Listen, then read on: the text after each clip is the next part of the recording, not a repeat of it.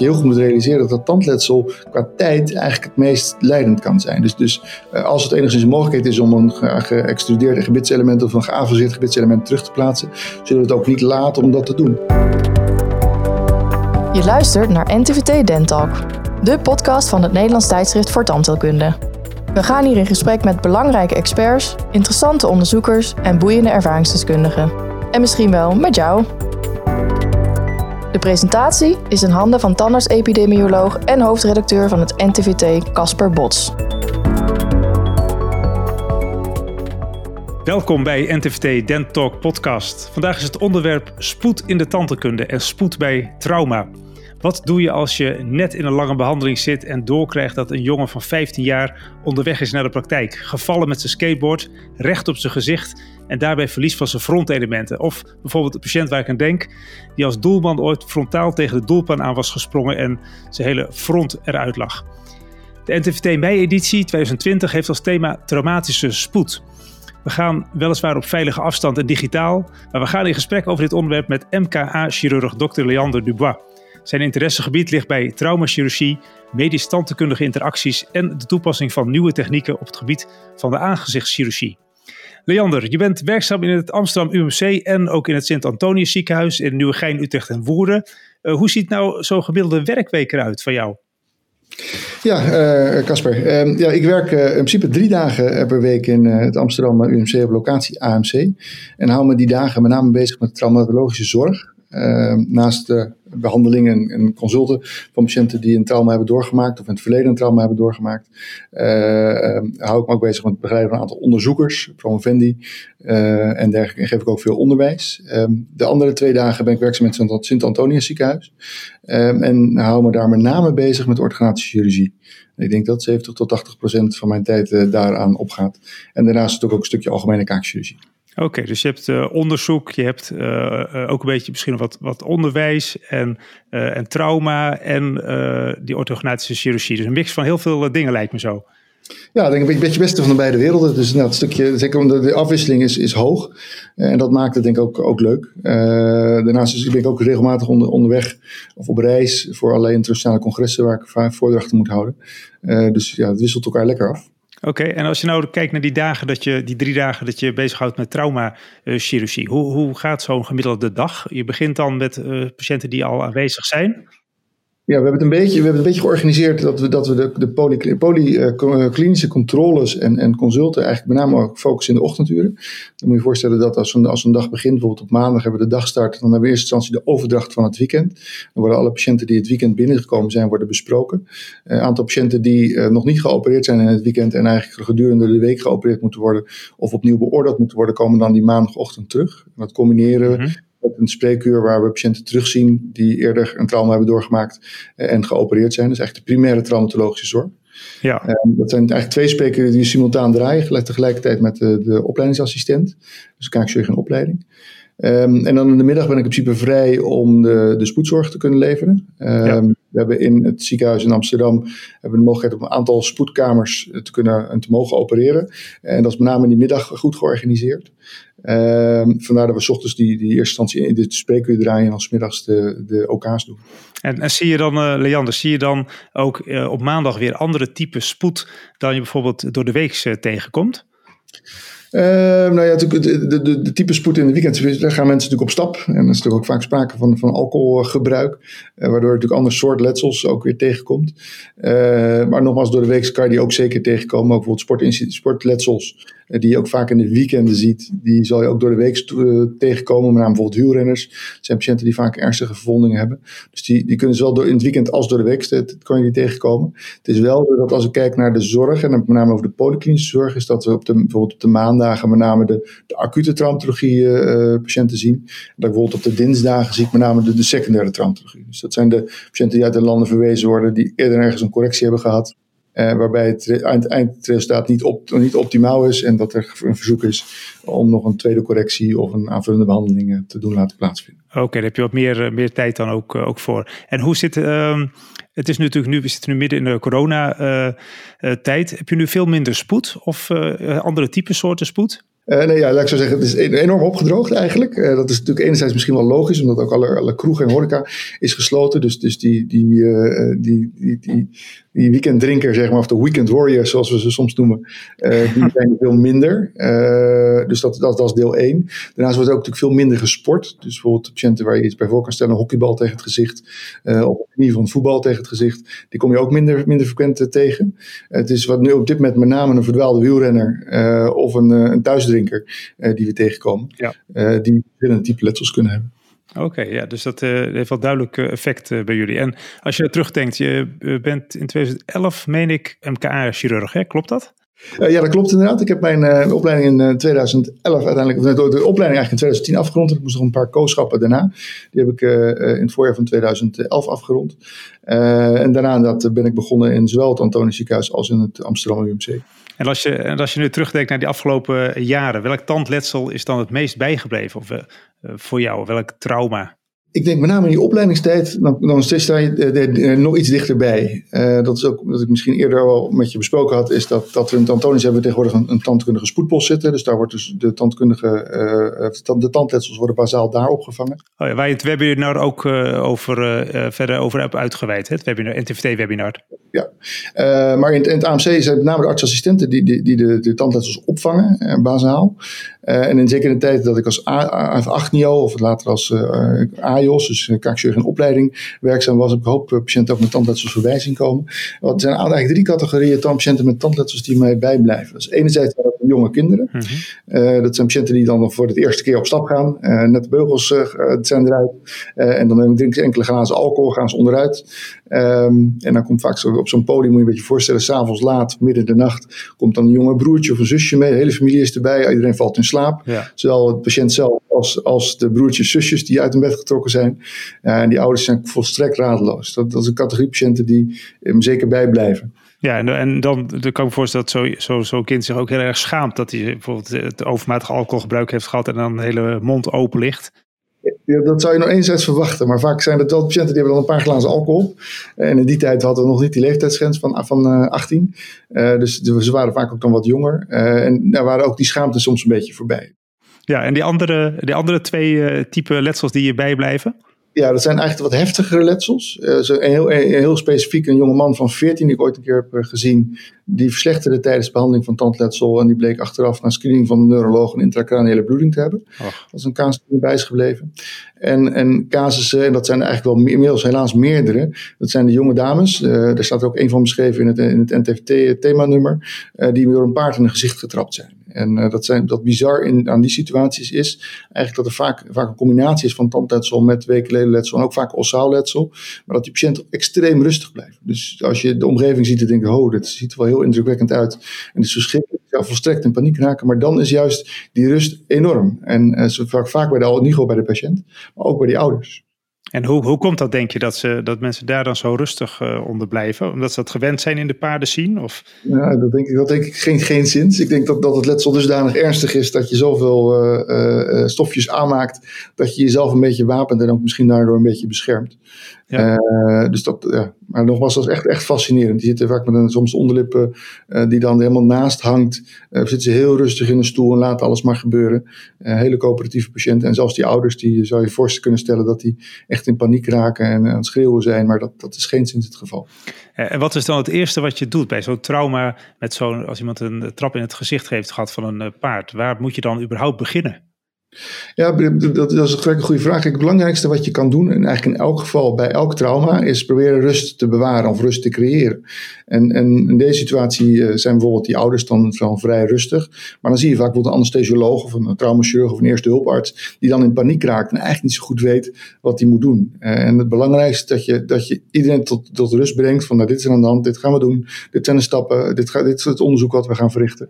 En dan gaan we door naar elkaar en dan gaan we alles voor eromheen regelen.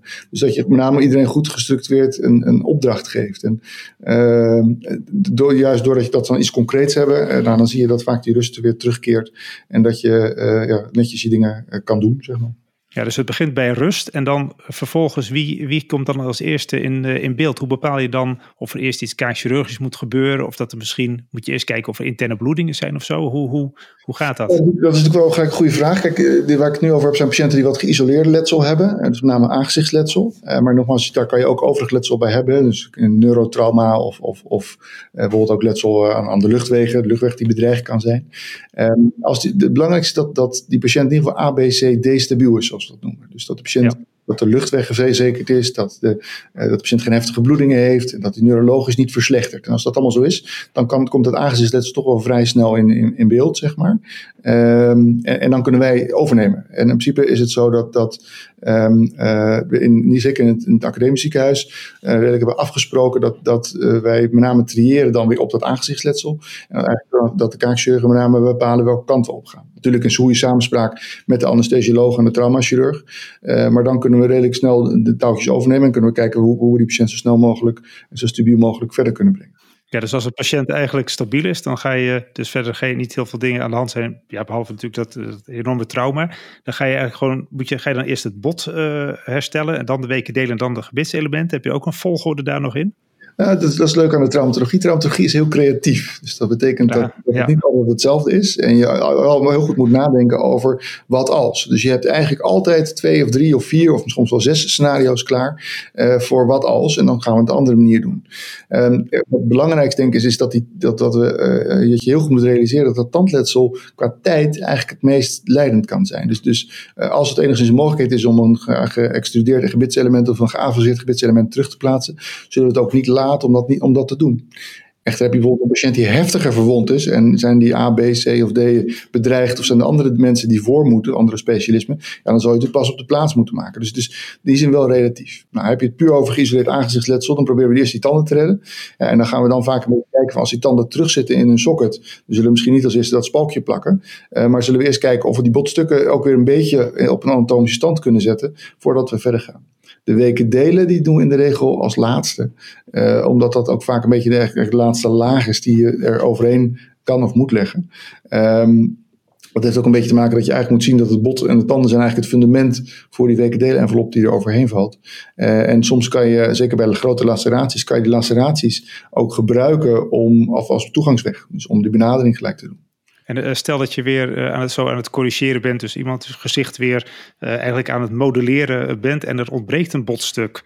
dat kan natuurlijk voorkomen, denk ik. Hoe, hoe, pak je dat dan aan? Stel dat de, de, de jukboog ontbreekt of zo, of iets dergelijks. Ja, dat komt inderdaad voor. Als, als je avulsie hebt van een gebitselement, kan je ook een avulsie van een stuk huid of een stuk bot hebben. Dus het is eigenlijk weg, het is uit het lichaam. Um, en het leuke is dat het lichaam eigenlijk bestaat uit een enorme doos met bouwstenen. En ja, je moet kijken waar, waar je een bouwsteen vandaan kan halen om dat weer te reconstrueren. En dat betekent in, in, in sommige gevallen dat je bedenkt dat je een stukje bot ergens vandaan haalt, als uit de bekken kan of uit de schedel, uh, die je kan gebruiken om iets te reconstrueren. Bijvoorbeeld de neus reconstrueren we zo heel vaak. Hè, dat als de neus behoorlijk is en die wat steun moet krijgen, en dan pakken we vanuit het schedeldak een stukje bot wat we er dan inschuiven.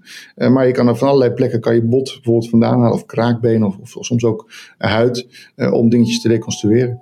Het is wel belangrijk ook denk ik daarbij om, om te vermelden dat, dat we tegenwoordig steeds bewuster zijn dat sommige dingen we enerzijds met bot kunnen doen, hè, is lichaams eigen weefsel, dat klinkt als heel degelijk, heel solide, maar dat we deze tijd uh, met name ook veel gebruik kunnen maken van, van nieuwe technologie. En dan moet je met name aan, aan de 3D-printtechnologie denken, zodat we dingen op maat kunnen maken en dat we met technologie betere en voorspelbare behandelingen kunnen aanbieden, die we misschien beter later kunnen voorstellen dan dat we dat direct zouden doen.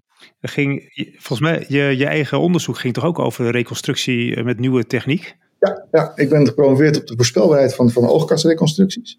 Um, dat, dat, uh, wat we eigenlijk gedaan hebben, is dat we gekeken hebben, ah, hoe goed kunnen we dat eigenlijk als we dat op Timmermans oog doen? Nou, het blijkt eigenlijk dat dat heel erg tegenvalt. Dat er best wel een, eh, behoorlijke afwijking in zit. Uh, wat, je aan, wat je denkt dat je doet en wat je doet. En dat heeft met name, bij de oogkas is dat interessant, omdat de oogkas maakt een heel klein sneetje. Uh, dus echt een beetje sleutelgatchirurgie. En dan komt er, als het in de oogkas heel veel vet en dat bultst een beetje naar buiten.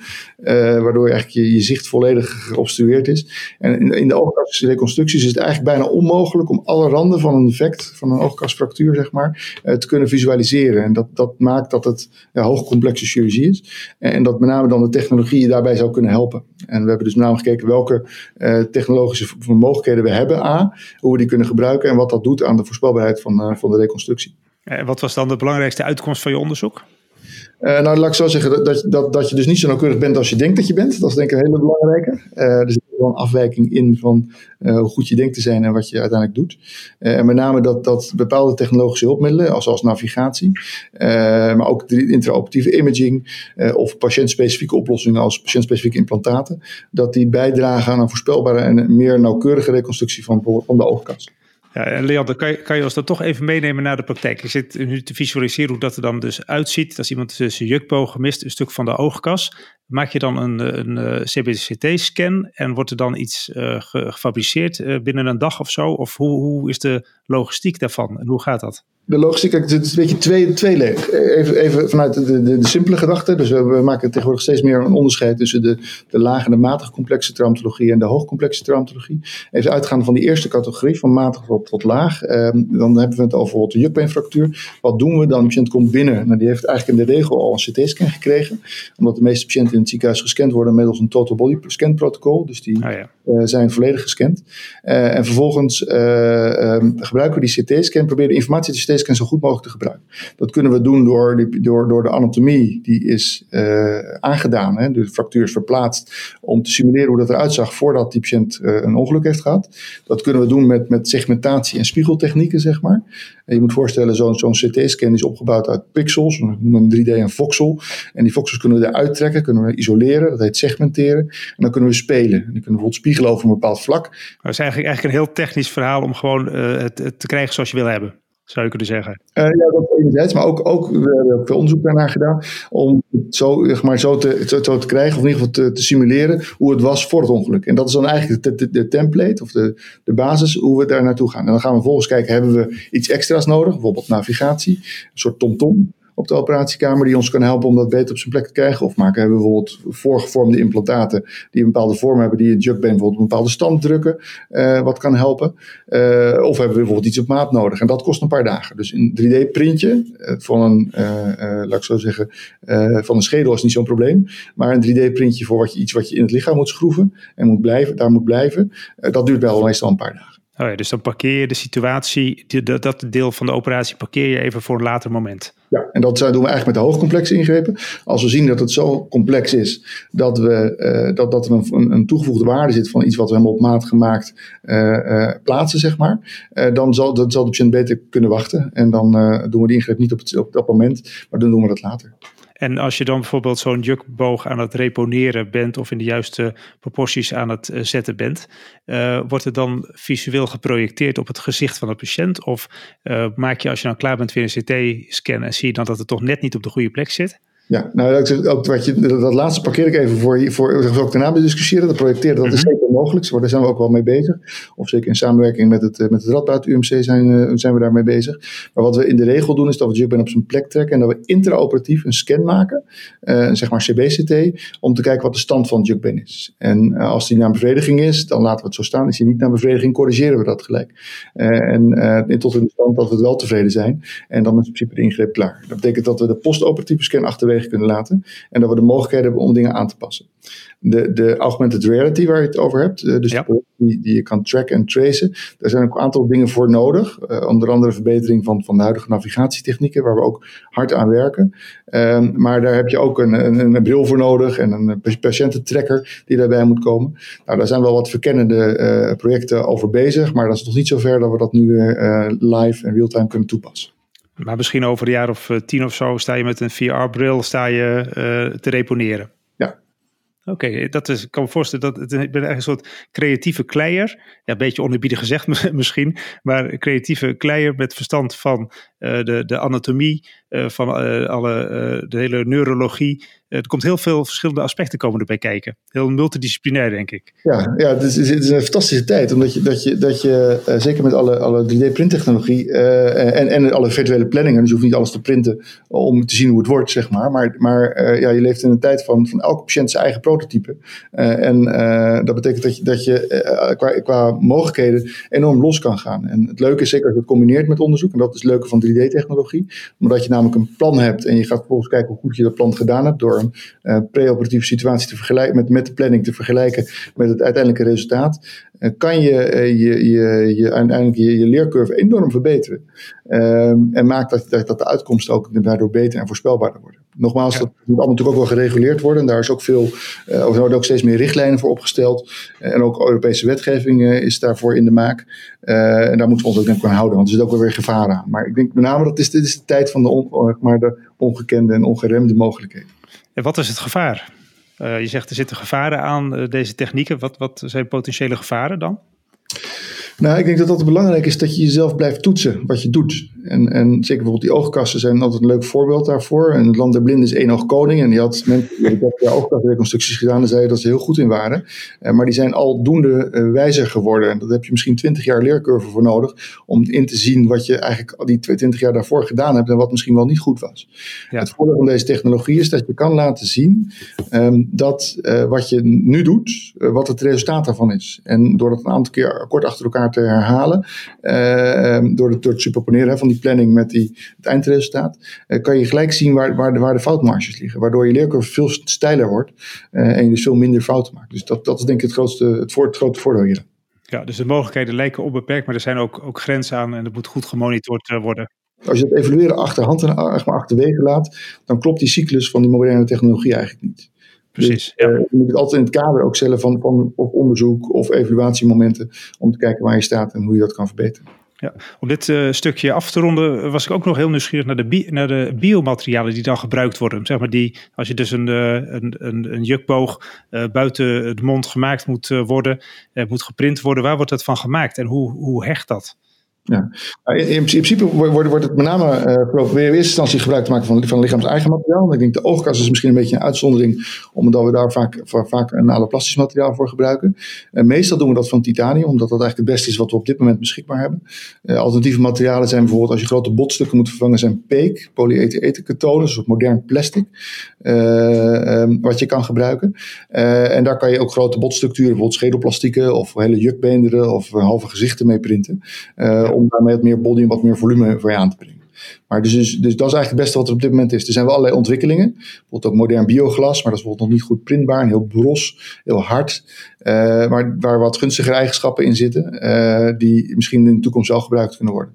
Maar op dit moment zijn eigenlijk met name is titanium en peek wat, wat de materialen zijn waar we het meest mee werken.